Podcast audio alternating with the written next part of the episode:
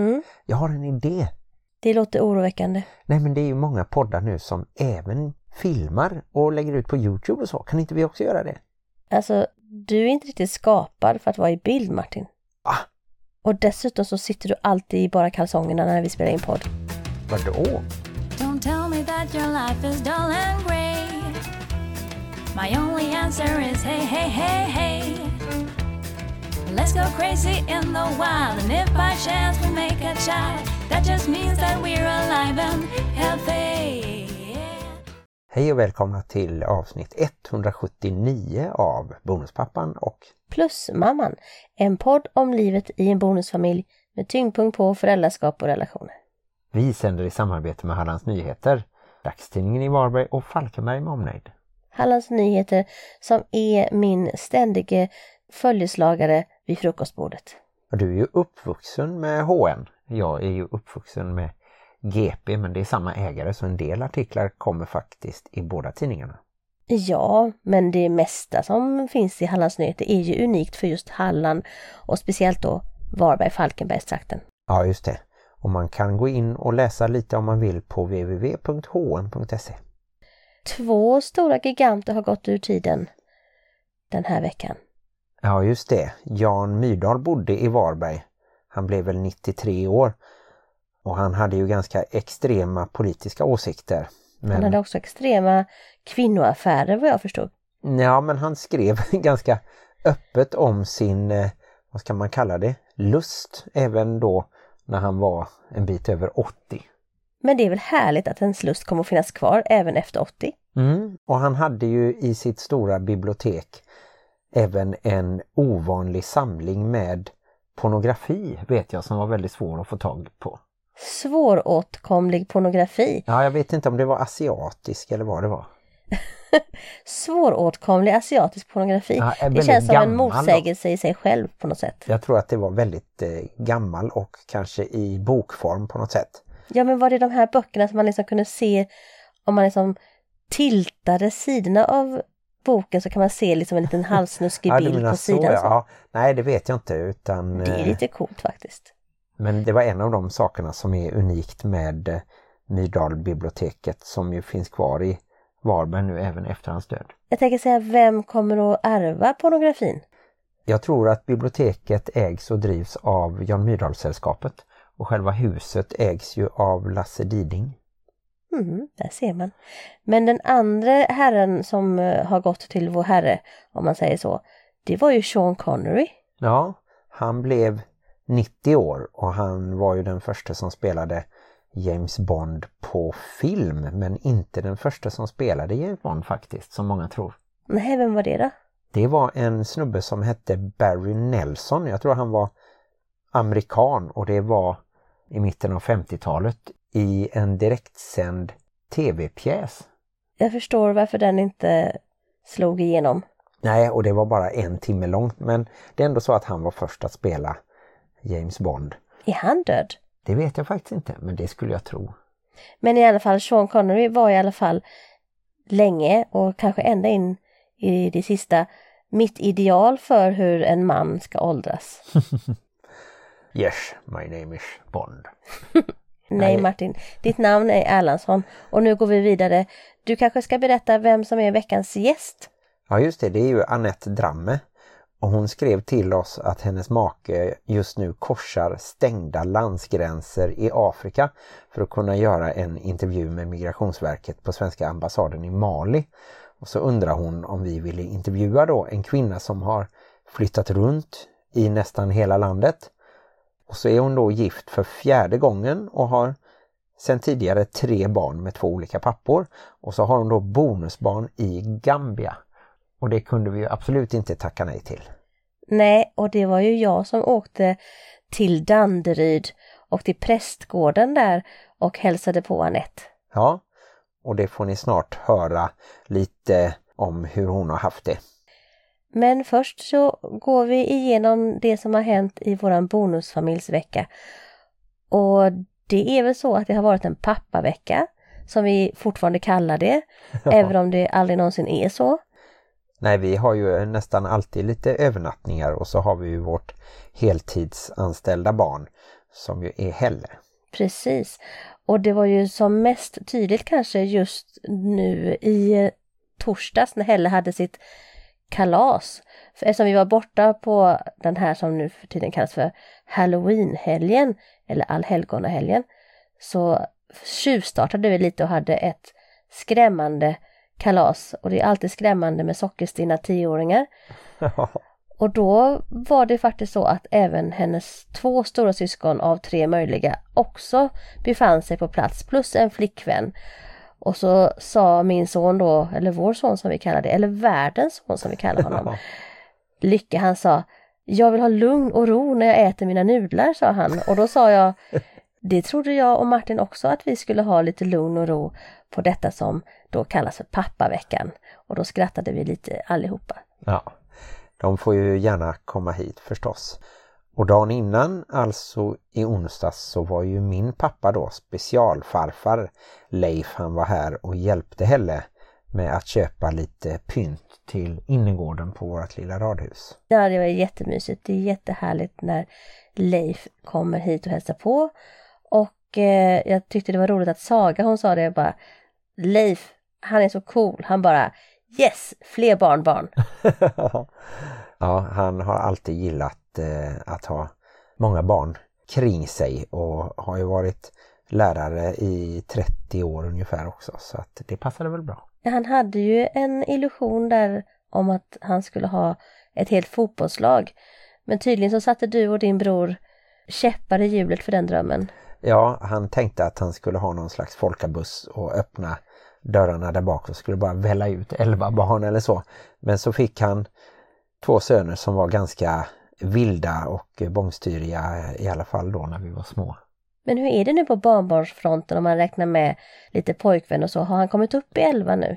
Ja, David har ju tre och då har tjejerna varsin pojkvän så det är ju fem och så har vi fyra, det är ju nio och så får han väl i så fall räkna med sina biologiska barn. Ja, David, så är det faktiskt elva. Ja, men vi har ju en flickvän på våran sida också, Tess. Ja, just det. Plus lilla bebisen som har kommit på Davids sida. Ja, och räknar vi in Då har vi Kevin. några avbytare också. Ja, och räknar vi in Kevin så har vi ju ännu fler. Precis, det är dags att skaffa den där folkabussen nu Leif. Ja, det kan det bli i framtiden. Eller en husbil eller något kanske. Mm. Sen på riktiga Halloween, alltså i lördags, då var vi ju i stugan i Småland så då firade vi ju inte på det sättet. Nej, men vi firade ju potatislovet genom att gå ut och gräva upp potatis. Det heter ju tydligen potatislov av någon anledning, i alla fall i Småland. Ja, pappa mindes faktiskt att han och eh, hans lillebror var lediga och fick åka ut på någon gård där och hjälpa till och fick lite betalt också. Men då var man alltså ledig från skolan för att plocka potatis. Men var det verkligen så här sent som i slutet på oktober? Ja, men det var ju på hösten i alla fall. Så att det var väl det då den potatisen som ja, inte hade gått åt kanske eller så. Men lite udda. Ja, hur som helst så tog vi den traditionen i bruk igen genom att du tog med dig Helle och hennes kompis Cornelia som var med oss till stugan i Småland. Och så gick ni helt sonika ut och plockade potatis. Och det roliga var att Helle skrek till mig Titta mamma vad många potatisar vi har fångat. Ja, just det.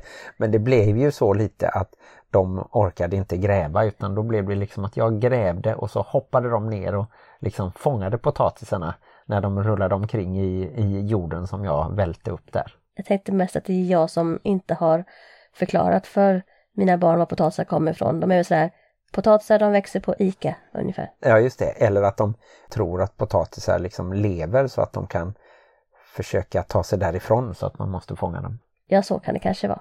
Något annat som var runt och som rörde sig även i luften, det var ju snöbollar för vi åkte till den här stora Hydro Arena som både är bandy och ishockeyhall bredvid varandra och där fanns det ganska mycket snö som de får då när de skrapar isen. Mm. Det var ju också roligt. Ja, och sen så gjorde ni faktiskt det som man faktiskt ska göra på allhelgonahelgen och det är att man ska besöka gravar och hedra sina bortgångna. Mm. Och då finns det i Småland två familjegravar. Den ena är min farmors föräldrar Viktor och Nelly Holmgren och där ligger även då farmors lilla syster Karin som bara blev 10 år kunde vi se på gravstenen där 1918 till 1928. Och sen var det ju då min farfars föräldrar hade en grav, Gustav och Julia och där ligger då farmor och farfar också. Mm. Om man hade sett mig i bild nu så hade man sett hur jag zonade ut lite där men det var jätteintressant Martin. Verkligen. Vi hade våra vänner Annika och Joakim med oss till Småland och de är ju en bonusfamilj. Ja just det. De har ju barn sedan tidigare båda två men vuxna barn så det är ingen som bor hemma hos dem i huset på Orust. Och Annika var ju även en av dina två tärnor. Mm. Och det som var lite lustigt var ju att Joakim faktiskt också hade en dotter som hette Cornelia. Så Ja. att det roliga var att vi kunde kalla honom för Cornelias pappa. Ja just det. Ja det var lite roligt. Ja och sen så faktiskt funderade vi lite på hur det blir då med ett sånt här sommarhus som bara har funnits i en enda släkt. Vad händer då när det går över till som det är nu då tredje generationen och då kanske det har gått 90 år sedan det byggdes. Och sen när det går vidare till fjärde generationen som blir våra barn då.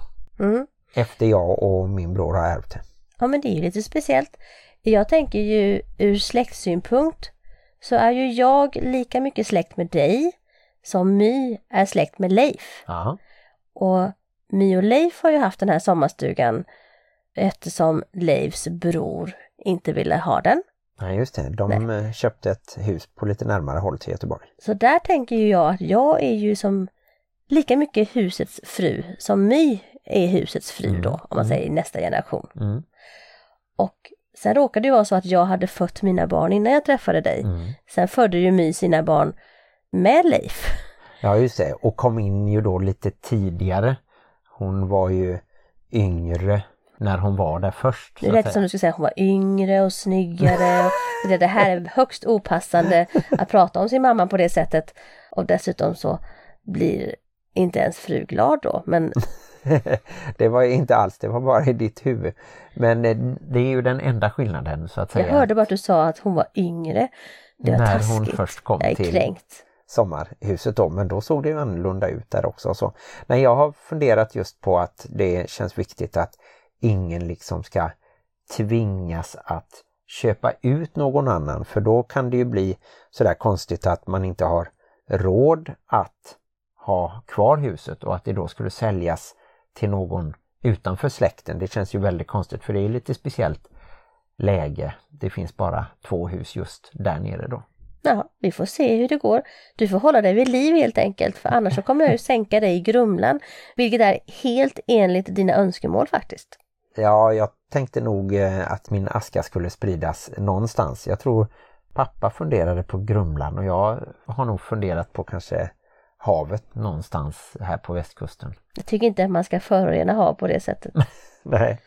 Ja, vi får väl se. Det finns nog lösningar att man kan ha på något sätt olika andelar och att man sen inte får sälja sina andelar utan om man inte är intresserad av att ha huset kvar så får man ju ge bort sin andel då på något sätt. Och sen att om man vill ha en andel så får man vara med och betala lite för att sköta huset. Eller åka dit och göra i ordning någonting. Jag tänker att det löser sig säkert. Det är mitt valspråk. Kungar förr och även kungar idag, de har valspråk. Och jag känner mig väldigt kunglig så jag har ett valspråk och det är Det löser sig, sa kärringen som sket i vasken. Vi kanske kan fråga våran favoritjurist Linda Ljunggren Syding. Men å andra sidan så har vi ju faktiskt en intervju redan med henne som kanske kommer nu om några veckor. Ja men hon älskar att vara med i podden så hon är säkert gärna med en gång till. Och hon är så himla trevlig så att jag har gärna med henne en gång till. Mm. Och sen är det ju verkligen inget akut för jag hoppas ju att eh, jag och min bror inte får ärva huset på väldigt många år. Ja och jag önskar ju att barnen inte får ärva för det betyder ju att vi är döda. Ja precis, nej det vill vi inte heller. Så att, eh, Nej men helt skämt åsido så är det ju faktiskt viktigt att tänka över sådana här saker när man är bonusfamiljer med just arv och vad händer ifall en av oss dör och Mm. det är inte någonting att leka med för det kan bli ju så att man blir utan hus och hem helt plötsligt om man inte har sina papper i ordning i bonusfamiljen. Men som det är nu att vi är gifta, då kommer du att ärva allt som Yes, är mitt. yes, yes! Det är det jag siktar på. Alla kepsar, fula byxor från GKs och symboler. Men symbolerna kan jag nog få några tusenlappar för i alla fall. Ja då, det tror jag nog. ja, nu kanske vi ska gå över till veckans intervju med Annette då. Och en detalj som jag tyckte var lite intressant var att hon fick två barn med sin första man och sen kunde hon bara ta med ett av barnen från Norrland ner till Stockholm när hon gifte om sig. Och det kommer ni att få höra lite hur det funkade.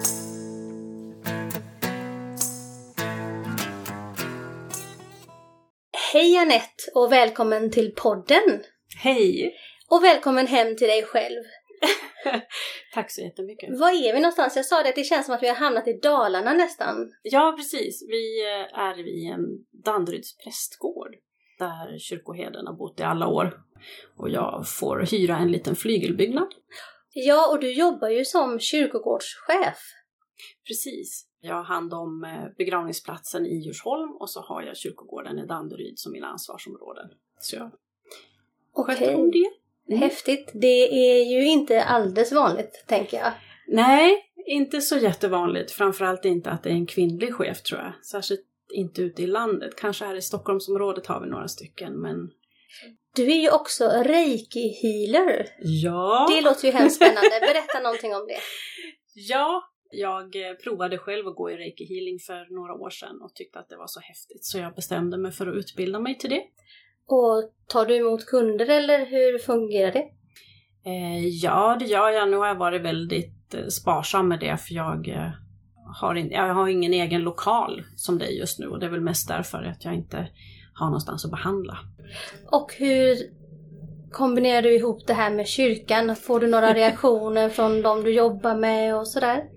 Eh, Jag har faktiskt inte pratat så jättemycket om det på min arbetsplats. Jag har hållit det ganska privat än så länge. Det är några som vet om det. Nu vet alla om det. Nu vet alla om det. Nu har alla hört det här i precis. podden. Du skrev ett meddelande till mig som jag tänker jag ska läsa upp det för det var ju någonting som jag inte kunde låta bli att nappa på. Du skrev Min man korsar just nu stängda landsgränser i Afrika för att kunna göra sin intervju med Migrationsverket på svenska ambassaden i Mali. Vill du någon gång intervjua en kvinna som flyttat runt i hela landet, är gift för fjärde gången, med tre barn med två pappor, extra familj och bonusbarn i Gambia, så säg bara till. Och jag kände ju bara ett gigantiskt till. Det är klart att vi vill intervjua dig. ja, vad roligt. Vad spännande. Ska vi börja liksom från början? Jag tänkte fråga först, har du någon bonusfamiljs erfarenhet från din uppväxt? Ja, det kan man väl säga. Min äldsta syster har en annan pappa än mig. Så att jag är van vid att hennes pappa och familj alltid har hängt hos oss, kommit på semestrar och sådär. Min mamma och pappa är från Trollhättan och Lilla Edet och vi flyttade till Norrland när jag var fyra år. Så de kom upp på semestrar och lov och sådär och hälsade på. För mig har det varit helt naturligt att de ingår i vår familj och Ja. absolut. Och hade du fler syskon? Precis, jag har en syster till också som är fyra år äldre än mig, så vi, vi är tre systrar. Mm. Eh, Men jag och hon då har samma mamma och pappa. Så det är min äldsta som har en annan pappa. Precis. Och nu kan ju inte lyssnarna se dig, men jag kan ju se dig och undra hur har hon hunnit med att gifta sig fyra gånger? Hon ser ju ut att vara 28 år ungefär. Oh, tack. Men du får berätta var det hela började någonstans. Ja, ja, jag närmar mig 50 med stormsteg. Jag fyller 50 här i januari så att jag är inte 28. Du ser ut så. Nej men eh, det började väl egentligen med att jag träffade min första man när jag var 14. Och han var 20 uppe i Norrland. Vi eh, levde tillsammans till jag var 27 och vi fick två barn. Vi gifte oss när jag var 18. Och sen så kom första barnet dagen efter jag fyllde 20. Mm. Och sen så kom nummer två när jag var 23. Är det väldigt vanligt att man träffar någon när man är 14 uppe i Norrland? Nu kommer så här alla fördomar flygandes in. Ja, alltså jo men det, det får man väl kanske säga. I alla fall att man kanske skaffar familj tidigt. När jag var ung så gick man gymnasiet och sen började man jobba och så skaffar man familj. Det Mm. var ganska vanligt. Och tänkte du då att eh, det här Was it att eh, du skulle leva kärnfamilj? Både ja och nej. Jag har väl alltid känt att jag inte är en norrlänning, även om jag låter som en norrlänning. I och med att vi flyttade upp när jag var liten så sa jag, jag har alltid sagt att jag, när jag blir stor då flyttar jag härifrån, jag vill inte bo i Norrland. Och det har jag varit helt övertygad om alltid. Och sen så kom väl den längtan mer och mer ju äldre jag blev. Jag, kanske för att jag inte var helt lycklig i mitt äktenskap, men också jag kände att jag liksom inte skulle vara där. Jag skulle göra mer eller någonting annat liksom i mitt liv. Men ni var ju ändå gifta väldigt länge kan man väl säga. Det blev ju ett antal år i alla fall, absolut. Men så sveptes jag iväg av en ny kärlek. Det får du berätta, vad hände? ja, då var det en man som kom upp till Norrland där jag jobbar på en elektronikfirma och eh, lärde upp oss på en ny produkt som vi skulle tillverka. Och tycke uppstod med tiden. Han var uppe i omgångar och sen så skulle jag ner på en eh, konsert med Whitesnake faktiskt. Som gammal hårdrockare. Och han kom från Stockholm. Han var urstockholmare från Täby och... eh, inte det också en sån här, här kommer stockholmarna och tar våra Jo. kvinnor? Absolut, det var storfräsaren från Stockholm som kom upp och, och eh, absolut, det, så lät det. Definitivt. Men så blev det och jag skilde mig från min första man och sen så flyttade jag ner till Stockholm efter en period. Och då hade du två små barn. Ja. Hur eh, gjorde ni då? Vi resonerade fram och tillbaka hur vi skulle göra. Min yngsta var då tre år och den äldre var sex år. De fick väl tycka till viss del själva. Eh, Jag tyckte väl att den yngsta absolut skulle följa med mig eftersom hon var så liten. Eh, Men den äldre hade verkligen en bästis som gjorde att hon ville absolut inte flytta från Norrland. Och, eh, så då löste vi det så att vi tog faktiskt varsitt barn och vi ehm, gjorde så att den ena kom ner en helg i månaden och den andra åkte upp en helg i månaden. Så de träffades varannan helg. Mhm. Så jag åkte till Arlanda ganska ofta. Eh, får se, hur många mil pratar vi om nu? det är 73 mil Mm. mellan Täby och Norrland som de bor i då. Eller Och bor. hur länge höll det på att de flyttade Oh. fram och tillbaka så Eh, på helgerna? Ja, det var ganska många år faktiskt. Vad ska jag tro? Eh, sen hände det så mycket annat. Vi flyttade till Polen och sen till Karlskrona så vi kunde inte hålla på så. Men eh, till att börja med så en två, tre år i alla fall så körde vi varannan helg. Och hur gamla är barnen nu då? De är i 20-årsåldern då? Ja, den äldsta fyller 30 i januari, dagen efter jag fyller 50. Och eh, sen är nummer två är, är 26. Har du kunnat prata med dem nu hur de har upplevt det här att ha Oh. mamma och pappa så långt ifrån varandra? Ja, verkligen. Vi har alltid pratat jättemycket om det. Och vi har också alltid varit väldigt eh, flexibla. Vi har sagt att vill de ändra och göra annorlunda så får de göra det om de vill. Och det har de också gjort när vi, vi bodde i Polen i ett år. Och då sa jag att jag vill inte åka och bo i Polen om inte båda följer med. Jag vill att båda ska ha samma upplevelse. Så då bodde båda med mig där. Och sen när vi kom hem från Polen så bodde båda hos sin pappa ett år. Vi har blandat lite faktiskt. Vi har gjort lite testat runt som de har velat. Och nu enkelt. bor någon av döttrarna här.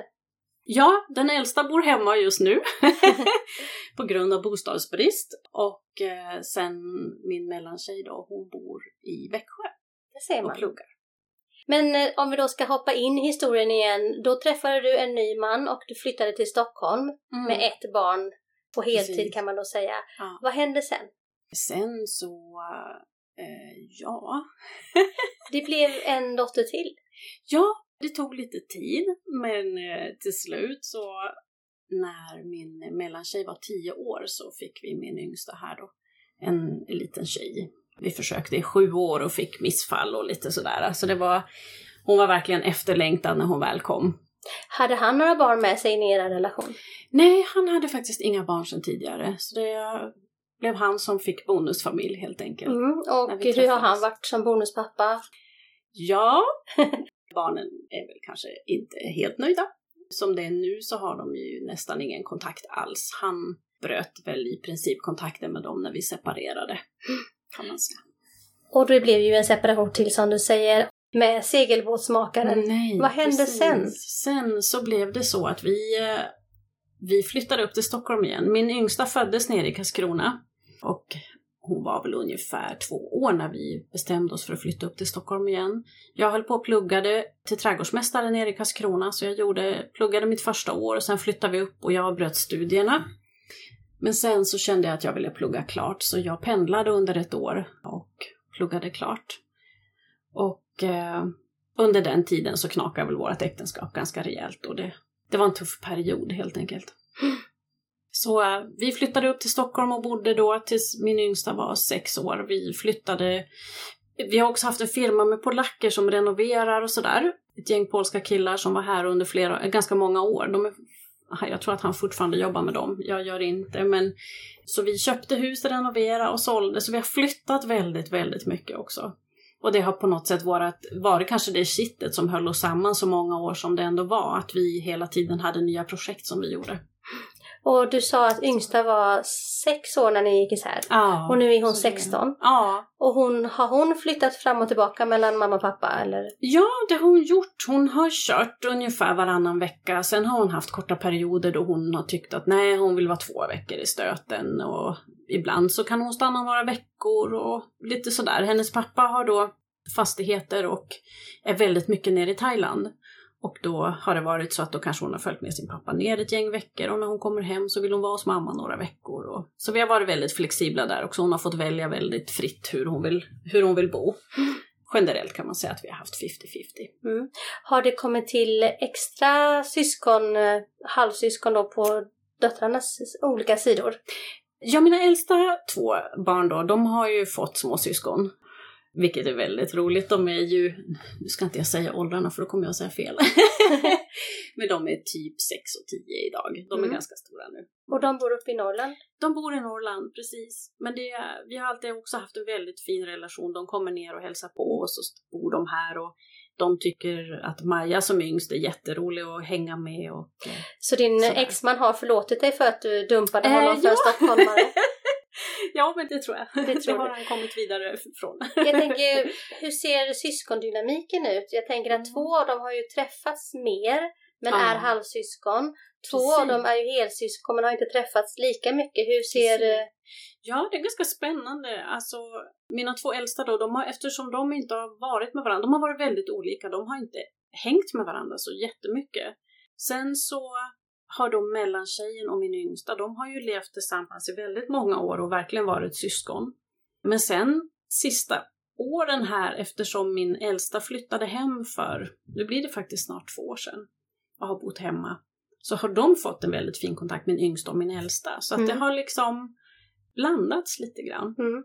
Och mellandottern och äldsta dottern, har de haft, har, vad har de sagt om det här med att de har växt upp så isär? Alltså ja, de tycker faktiskt inte att det har varit speciellt jobbigt. Jag tror att båda är rätt nöjda med det faktiskt, otroligt nog. Ibland tänkte man att har man förstört för alltid och hur ska det gå och så, men de har hållit en bra relation men de också har varit väldigt olika och de har verkligen haft olika kompisar och inte hängt med varandra på det sättet. Och man nummer tre då, när han kommer in på banan, då, har, då träffar han ju en kvinna som har tre barn med två olika män. Ja. Vem är det som kommer in på banan här då? Ja, det var också väldigt spännande för jag var ganska deppig vid den tiden. Jag hade, vi hade haft ett ganska tufft äktenskap, jag och, och min yngsta dotters pappa och jag var ganska, hade väl tappat självförtroendet helt skulle jag vilja säga. Och var väldigt eländig. Eh, så när vi träffades så var han coach och han var väldigt olik mina tidigare män och jag föll pladask för den här personen. Funkade inte alls med barnen överhuvudtaget. Det Hade blev- han barn sedan innan? Ja, han hade två tjejer som var ungefär lika gamla som min mellanflicka. De Mm. var bara ett år emellan dem. Men flyttade ni ihop på hela det här också? Det gjorde vi. Vi flyttade ihop och isär flera gånger och det var mycket på grund av barnen att det, det funkade verkligen inte. Kan du det se det, krock. eh, att det var det som var den stora stötestenen? Ja, det var Mm. det verkligen. Jag orkade inte med att de inte mådde bra i relationen. Idag kan jag ju titta tillbaka och tycka att jag stannade alldeles för länge med den där personen. Mm. Men det är svårt att göra om. Ja, man kan inte ändra på hur det har varit. Nej, och barnen såg det ju väldigt mycket tidigare än vad jag gjorde. För jag eh, hade, fick uppmärksamhet och jag hade levt i ett väldigt torftigt förhållande under väldigt många år och fick plötsligt massor med uppmärksamhet och kärlek och såg inte riktigt hur de mådde i relationen. Jag blev nog väldigt egoistisk en, en period. Mm. Och det är någonting som jag har fått brottas hårt med Mm, efteråt. Måste jag säga. Verkligen. Nu vet inte jag, men jag bara antar att du eh, fortfarande är gift med nummer fyra då? Nu är det nummer fyra. Ja, jag brukar säga att jag är som Lill-Babs. Jag hade inte hon ännu fler, eller hur var ja, det? jag tror jag än så länge ligger jag lä och jag eh, hoppas verkligen att jag inte ska gifta mig någon fler gång. Jag känner mig väldigt nöjd just nu. Jag som då har gift mig med två stora bröllop med hela vita klänningen och allting. Hur, Mm. hur såg det ut? Har du gift dig olika de fyra gångerna eller? Ja, alltså det har varit ganska små bröllop. Eh, Eftersom första gången jag gifte mig så var det såklart vit klänning och så, men jag var ju väldigt ung och vi var, hade inte så mycket pengar och så, så det var hemma i mamma och pappas vardagsrum. En dag före julafton. och sen så har de andra bröllopen varit ganska små. Så även det sista faktiskt. Och det var så roligt för när vi träffades så sa jag att jag kommer aldrig att gifta mig igen. Nu ska jag leva själv och jag ska leva för mina barn och så. vi blev väldigt goda vänner till att börja med. Så det, vi började som väldigt goda vänner. Mm. Och jag var väldigt bränd efter det tredje äktenskapet och kände att nej, jag är färdig med kärlek. Jag stänger det här hjärtat och tänker aldrig mer öppna det igen. Men hjärtat ville annorlunda. Ja. Kan du berätta lite vad som hände i alla fall när du träffade? Ja. Jag var fortfarande ganska deppig efter äktenskap tre och jag hade varit utbränd. Jag hade haft det ganska tufft på jobbet och varit utbränd en längre period men var på väg tillbaka igen. Och vi träffades genom gemensamma bekanta och lärde känna varandra och både jag och han hade väl några korta dejt. Vi dejtade både jag och han lite grann men jag var helt inne på att jag inte skulle vara seriös på länge. Och han jag tyckte han var lite för cool för mig. han var jättetrevlig, jätte, tyckte jag, i mina ögon såg väldigt bra ut och var en cool kille. Jag kände att nej, men det här är en alldeles för cool kille för mig, det kommer inte att funka. Då måste jag ju fråga först, har han några barn? Han har en dotter. Mm. Och hur gammal är hon? Hon fyllde åtta här nu Det är väldigt augusti. mycket flickor här känns Ja, det det är som. så många tjejer. Fast faktiskt så är min äldsta på väg att bli kille just nu, så att snart så är det tre Men det är ju bra att balansera upp det lite då. Ja, men Ja. precis. Spännande. Och då, du sa att du ville, du ville egentligen inte, du hade stängt hjärtat och det här. Ja. Vad var det som eh, fick dig att ändra dig? Ja, men han, eh, han nötte sig väl in. Jag kände att jag kommer nog inte våga lita på en person igen. Eh, Men han, han fanns där och vi hade det båda tufft och vi kunde prata om allting och det liksom började med någon sorts... Det började väl så att jag kände att jag kunde lita på honom och, och berätta saker och jag kände att han litade på mig. Så vi tog det väldigt lugnt. Så det tog något år innan vi fick för oss att vi kanske skulle vara tillsammans. Mm. Och hur länge sedan är det här? ett och ett halvt år sedan ungefär som Mm. vi blev tillsammans då, 11 maj. Och då var din yngsta dotter ungefär 15 då? Ja, 14 år. Ja, Ja, 14 och ett 14-15 år. Mm. Precis. Hur har hon eh, sett på det här? Jo, men hon, eh, hon älskar Lamin. Vad härligt. det har funkat. Och faktiskt alla tre tjejerna. Och det är första gången som det verkligen har funkat med alla tre barnen. Det är faktiskt helt fantastiskt, Mm. måste jag säga. Men nu måste du ju berätta, var Mm. är det han är någonstans och varför? Och... Jo, det är så att när vi träffades så hade han bott i Sverige i ungefär fyra år, eller fem år nästan. Jobbade i Stockholmsområdet. Men det är ju så att när man kommer från ett annat land så måste man ju söka och i hans fall så hade han sökt på tidigare relation. Och om en relation tar slut så måste man söka om. Så fastän vi bestämde oss för att vi skulle flytta ihop. För när, när han fick papper, när vi precis blev ihop, så fick han papper om att han skulle bli utvisad på grund av den tidigare relationen var slut och så vidare. Och vi försökte överklaga. Och eftersom vi, vi bannade oss själva nästan för att vi hade tagit det så lugnt då, för vi ville verkligen inte stressa in i någonting. Men Mm. då sa vi det att nej men, men då kanske vi ändå får gifta oss. Så förra året, 5 september, så blev Lamin utvisad så var han tvungen att lämna landet då. Oj då. Mm. För att åka ner och så måste han söka om hemifrån. Vi hade varit gifta i en och en halv månad ungefär när, Mm. det, var, när det hände. Vi bestämde oss för att vi ska kämpa på. Mm. och jag åkte ner till honom i januari och var där i två veckor och sen så åkte jag ner i mars, första veckan i mars och var nere en vecka. mitt i coronatiden där, där det precis eh, var... Precis när det bröt ut. Jag bokade den där resan bara i sista sekund och åkte ner och kom hem. Och samma helg som jag kom hem så var min dotter från Växjö upp och hälsade på och en kompis till henne kom och hälsade på som kom direkt från Alperna, italienska Alperna Mm. och hade med sig corona hem till oss. Åh, vilken Ja. fin present! en av mina extra barn också, höll jag på att säga. Mm. Min dotter sa du får inte glömma att säga att du har fler barn. Har du extra barn som du har hittat ut efter vägen? Ja, men precis. Ungarnas eh, kompisar och sådär. Det var några stycken som är lite extra varm om hjärtat. men vad härligt. Mm. Så då blossade corona upp här hemma? Ja, och i och med det så stänger ju också landsgränser eh, även där nere och eh, vi fick ett meddelande i maj från Migrationsverket där de sa att ni får en tid den 21 september för intervju. Eh, det är den första tid vi har i och med coronan och vi vet inte hur det kommer att gå. 21 september. Mm. Vi spelar ju in det här den 26 september så Mm. Det har hänt någonting då. Ja, han har faktiskt varit på intervju. Mm. Han tog sig till Mali och han tog sig tillbaka. Men han har haft en strapatsrik resa. Mhm. Blev av med alla pengar och Oj då. då hade de vid en av landsgränserna plockat alltihopa ifrån honom. Men, men det lustiga var att vi, jag har verkligen försökt, vi har pratat med Migrationsverket i omgångar och frågat om de inte har gjort några som helst förändringar, men tack vare coronan. Jag försökte säga att både Försäkringskassan och Arbetsförmedlingen och alla andra stora svenska myndigheter har liksom gjort ändå anpassningar efter corona, men Migrationsverket har inte gjort några.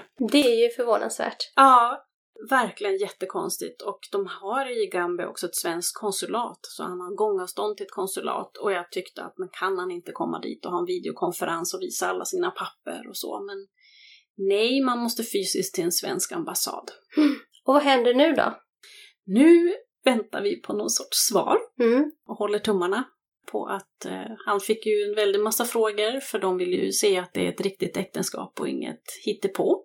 Så man hoppas att det lyser igenom, att de verkligen kan förstå hur vi känner. Mm. Nu väntar vi med spänning. Nu väntar vi. Mm. Och hans dotter bor då hos mamman? I... Ja, de lever ju i stora familjer. Hans familj bor, han har ju sju syskon och de bor liksom i ett stort compound så flera av hans syskon bor hemma där. Sedan har han andra syskon i England och sådär också. Men eh, hans dotter bor hos mamman men också hemma hos hans familj ibland.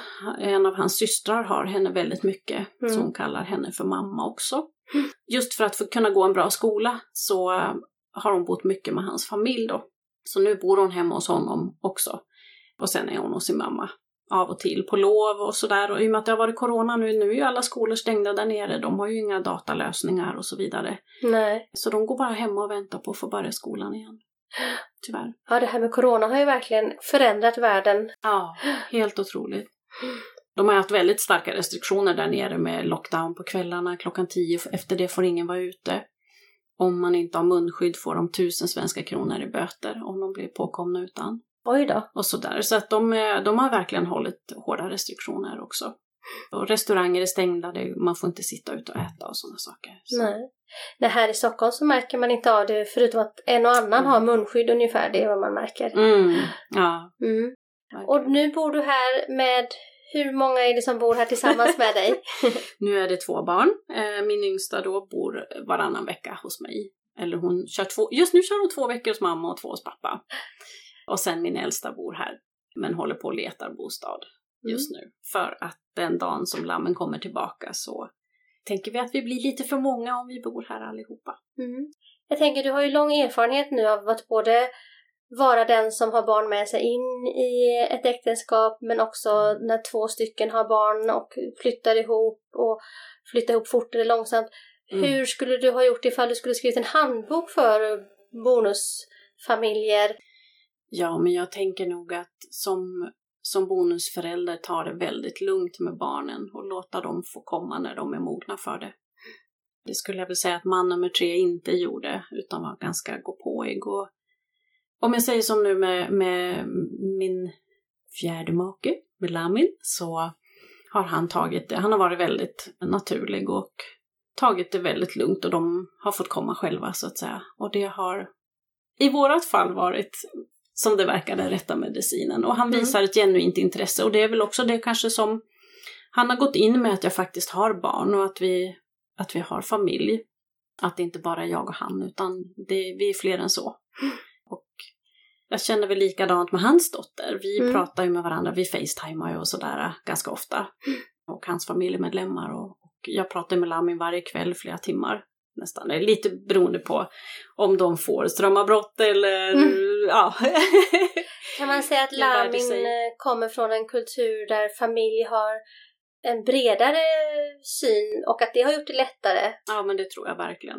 Alltså värderingarna, man bryr sig om varandra, man är nära varandra, man umgås tillsammans. Eh, Det är inte bara par eller barn utan man är, man är med varandra. Över generationsgränser Ja, och verkligen. familjegränser. Verkligen.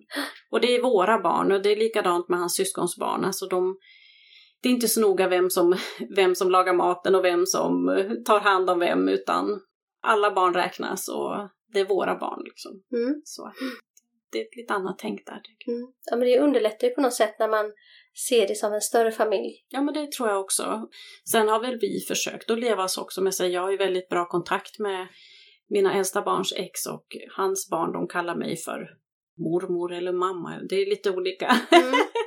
och min yngsta tyckte det var så konstigt när de äldsta hade en annan pappa och hon inte har inget släktskap med honom. Hon Nej. kunde inte förstå varför hon inte kunde få följa med upp till Norrland när de skulle dit och fira Gjorde hon jul. det någon gång eller? Inte, ja, hon har åkt faktiskt själv med sin äldsta, sin bror då, till Norrland vid några tillfällen. Mm.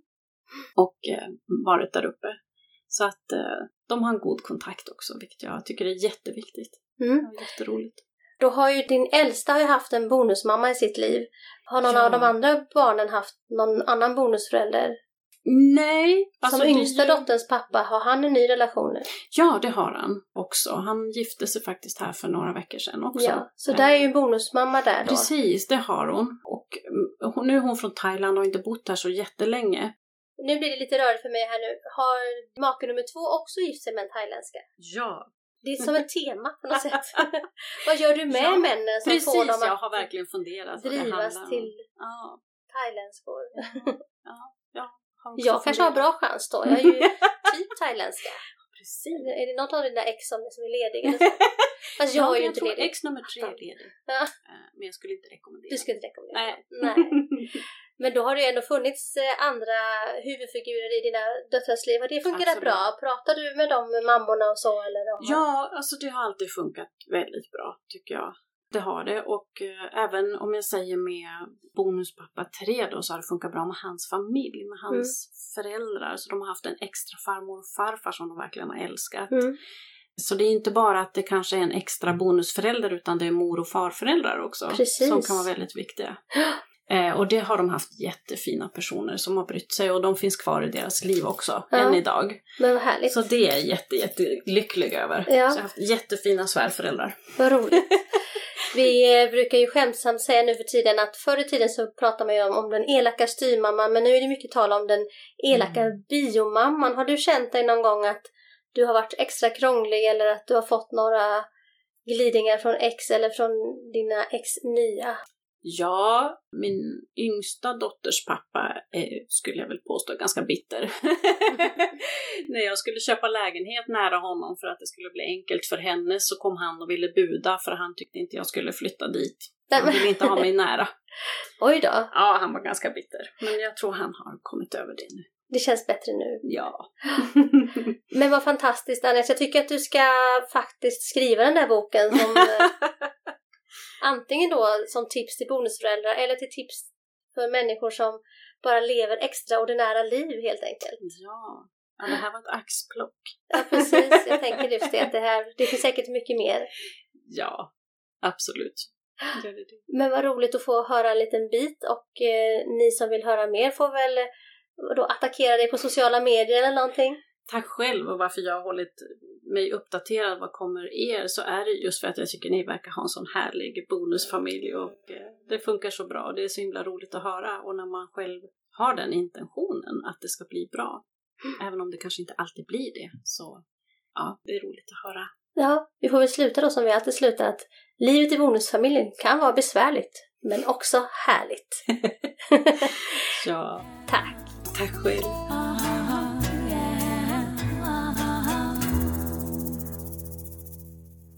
Då tackar vi Annette Dramme och även Maria Erlandsson för den fantastiska intervjun med det oerhört mindre bra ljudet. Jag ber om ursäkt, jag tror jag satte mikrofonen precis vid ett kylskåp, vilket orsakade det här härliga ostabila ljudet som ni kanske hörde. Ja, jag har försökt eh, tvätta bort det men något skumt var det den här gången. Och det enda vi kan lova är att det blir mycket bättre ljud i nästa avsnitt och i nästa intervju. Absolut. Jag ska inte göra intervjuer utan dig Martin. Jag klarar mig inte utan dig. Jo, Nej, jag gör inte det det. tycker jag att du gör. Det är enda anledningen till att jag inte dödar dig med mina nötkakor. Det är för att jag skulle inte klara mig utan dig. Du har ju börjat eh, med mjöl som är farligt för mig. Mandelmjöl och hasselnötsmjöl och kokosmjöl. Ja, det känns lite riskabelt ibland. Speciellt de gångerna jag faktiskt använder alla de tre sorternas mjöl. Då blir det som en kaka av död. Ja, det är någon trippelmordkaka. Triple homicide cookie. Det kanske skulle sälja. Du får kontakta någon, till exempel Vladimir Putin kanske. Alltså jag har alltid undrat, alltså om jag skulle ge dig en kaka och du skulle få en allergisk reaktion och bara dö, skulle jag bli anklagad då? Det kan ju inte vara att jag har dödat dig. Bara för att du Nej. råkar äta upp min kaka. Då kanske de kollar i din dator vad du har googlat på och om du har googlat på till exempel anafylatisk chock eller vad det heter och vilka nötter som är absolut farligast för en allergiker då kanske de misstänker att Men de kan ju aldrig bevisa att det var med uppsåt. nej, om inte jag hinner ropa in i telefonen att Siri ska skicka ett sms att jag håller på att bli mördad. Men du vet ju inte heller det. Nej, just det. Jo, om du trycker in den liksom medan jag sover så. Jag bara råkar lägga den ovanpå dig så här. Eller jag kanske bara pudrar lite hasselnötsmjöl över dig så här. Som John Blunds eh, sömnsand. Ja, det är ett konstigt tema på det här avsnittet tycker jag. Vi pratar om vad som skulle hända ifall du dör och hur du skulle kunna dö. Mm. Känner du dig lite nervös nu? jag har berättat det att eh, jag blev så beroende av eh, John Blund när jag var riktigt liten att jag fick låtsas strö sån här sömnsand i mitt eget ansikte innan jag somnade.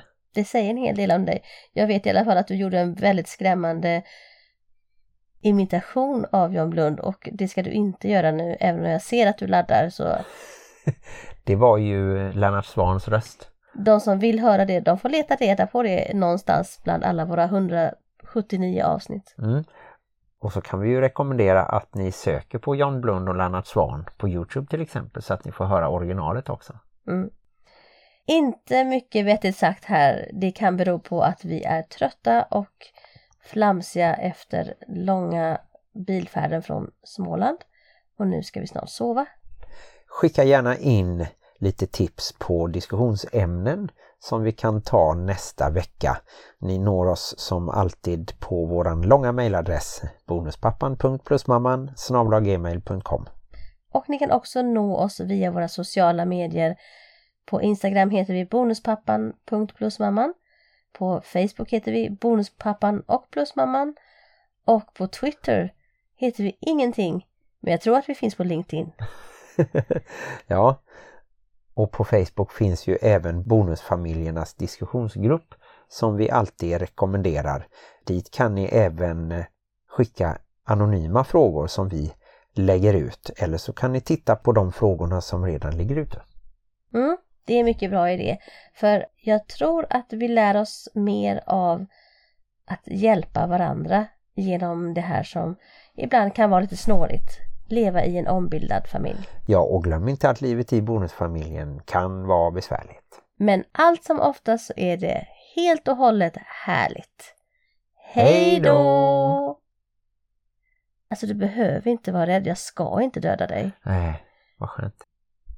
Jag, jag kanske råkar döda dig bara. Men jag planerar ingenting. Jag kanske råkar överleva. Ja men det hoppas jag ju verkligen. Att om jag skulle råka döda dig så hoppas jag att du överlever.